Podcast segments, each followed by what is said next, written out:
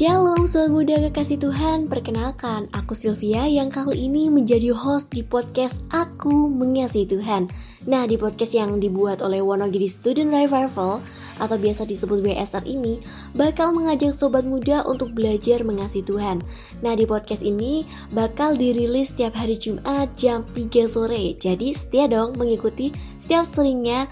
Jangan sampai ada yang kelewatkan pokoknya supaya sobat muda bisa belajar dengan lengkap dan bisa mengalaminya dalam hidup sobat muda semuanya. Nah, Minggu ini kita bakal belajar lewat segmen BTW Bincang-Bincang Teman Weekend. Seperti BTW sebelumnya, aku nggak sendirian aja. Aku bakal berbincang-bincang dengan tamu spesial kita untuk bisa belajar bersama pastinya. Siapa sih tamu spesial kita kali ini? Jangan ke mana-mana, tetap stay tune terus di sini ya.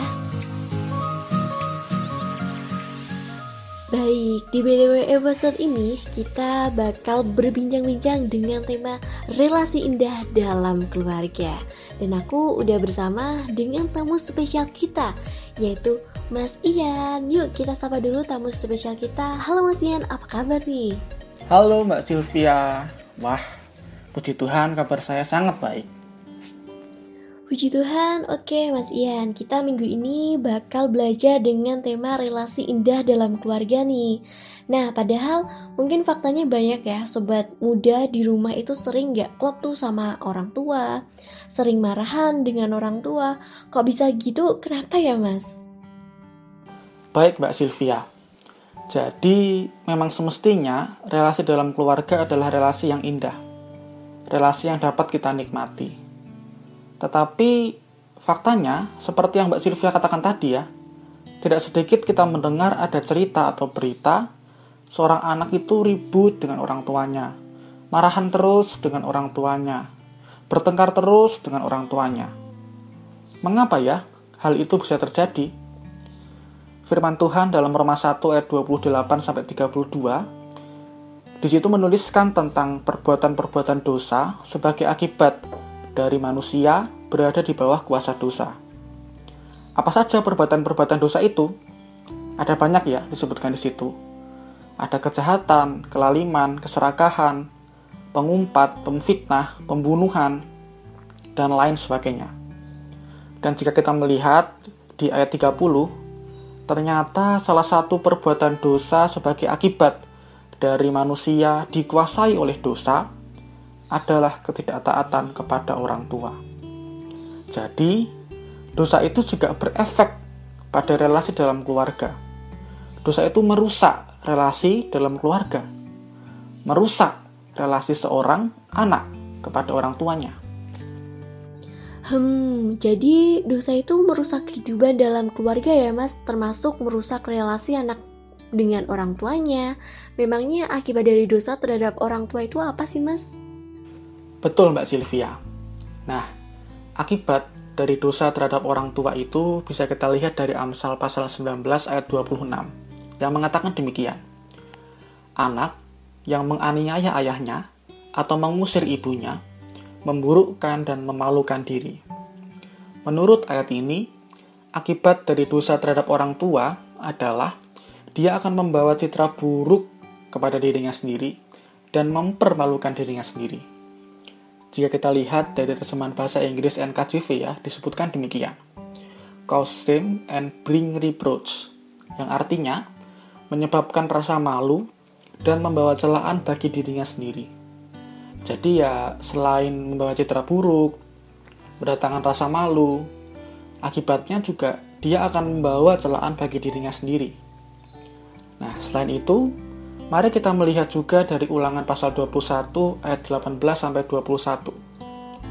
Pada ayat ini dijelaskan bahwa salah satu hukum yang berlaku bagi bangsa Israel pada waktu itu, pada waktu perjanjian lama ya, adalah jika ada seorang anak yang degil, membangkang, dan tidak mau mendengarkan perkataan orang tuanya, maka anak tersebut harus dihukum. Apa hukumannya? Hukumannya adalah rajam ya, atau dilempari batu sampai mati. Jadi pada waktu itu ya, akibat dari dosa terhadap orang tua setara dengan hukuman mati. Wow, mengerikan juga ya Mas Ian. Akibat dari dosa terhadap orang tua itu menimbulkan celaan bagi dirinya sendiri, bahkan akibatnya sampai setara dengan hukuman mati. Kalau begitu, sebenarnya apa sih yang diinginkan Allah bagi seorang anak itu? Sikap apa yang seharusnya dimiliki seorang anak terhadap orang tua? Dalam perumpamaan tentang anak yang hilang, yang diceritakan oleh Tuhan Yesus ya, yang kisah ini bisa kita baca dari Lukas pasal 15. Nah, diceritakan di situ ketika si anak bungsu ini menyadari bahwa dirinya sangat menderita, hidupnya sangat susah, sangat kesulitan karena dosanya sendiri kepada bapaknya, apa yang dia putuskan? Dia memutuskan untuk bertobat. Lalu dia pergi kembali kepada bapaknya. Dia mengakui kesalahannya dan dia meminta maaf kepada bapaknya. Kemudian apa hasilnya? bapaknya mengampuni kesalahannya, dan relasi antara si anak bungsu dengan bapaknya itu mengalami pemulihan. Nah, Allah menginginkan untuk seorang anak itu bertobat, meminta maaf kepada orang tuanya, sehingga relasi antara orang tua dan anak ini bisa dipulihkan. Lalu setelah itu, apa yang Allah inginkan?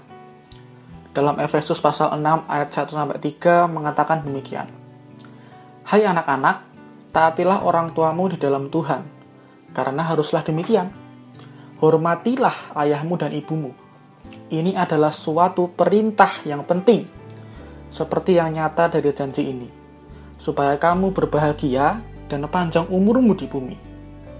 Nah, jadi dari ayat ini kita bisa tahu bahwa Allah menginginkan supaya anak-anak itu menaati dan menghormati orang tua. Jadi, menaati dan menghormati orang tua adalah suatu perintah dari Allah. Tetapi ada hal yang indah dari perintah Allah ini. Ketika perintah Allah ini kita lakukan, apa hasilnya? Disebutkan kita akan berbahagia dan panjang umur di bumi. Ya, jadi menurut firman Tuhan ini, salah satu kunci untuk bahagia dan panjang umur adalah menaati dan menghormati orang tua.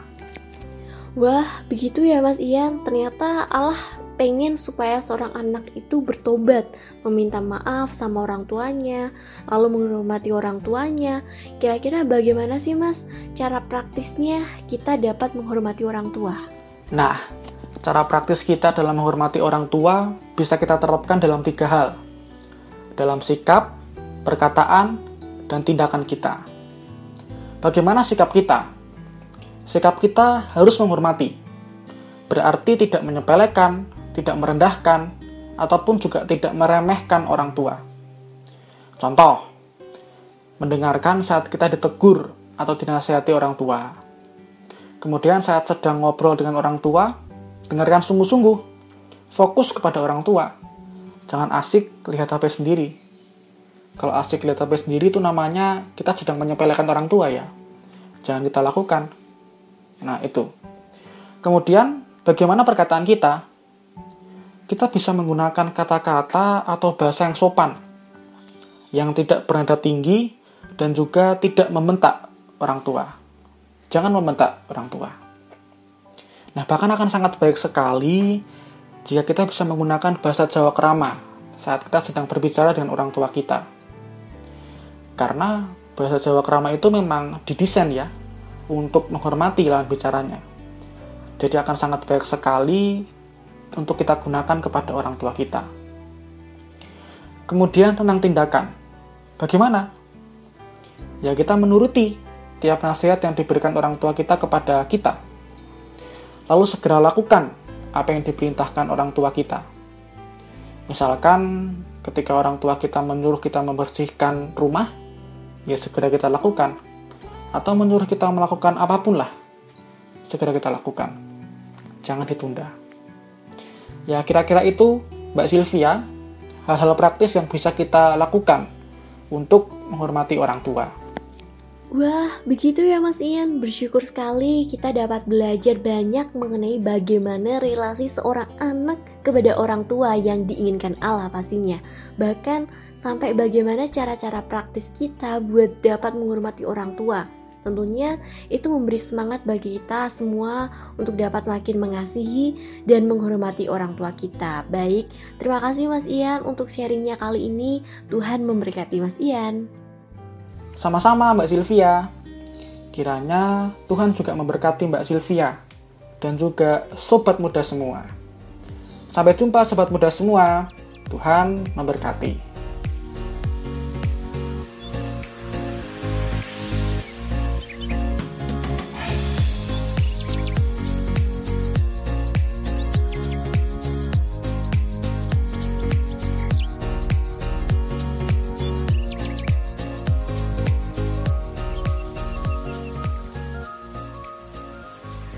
Soal muda kekasih Tuhan, senang sekali ya kita hari ini boleh belajar bersama lewat bincang-bincang teman weekend.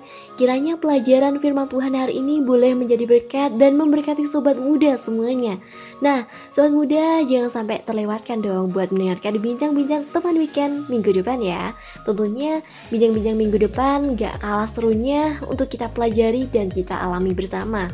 Nah, kalau ada sobat muda yang pengen berdiskusi, bertanya, memberikan masukan, boleh dong Sobat muda sampaikan lewat Instagram WSR di Wonogiri Student Revival. Oke deh, sekian podcast kali ini. Gabung lagi berjuban ya.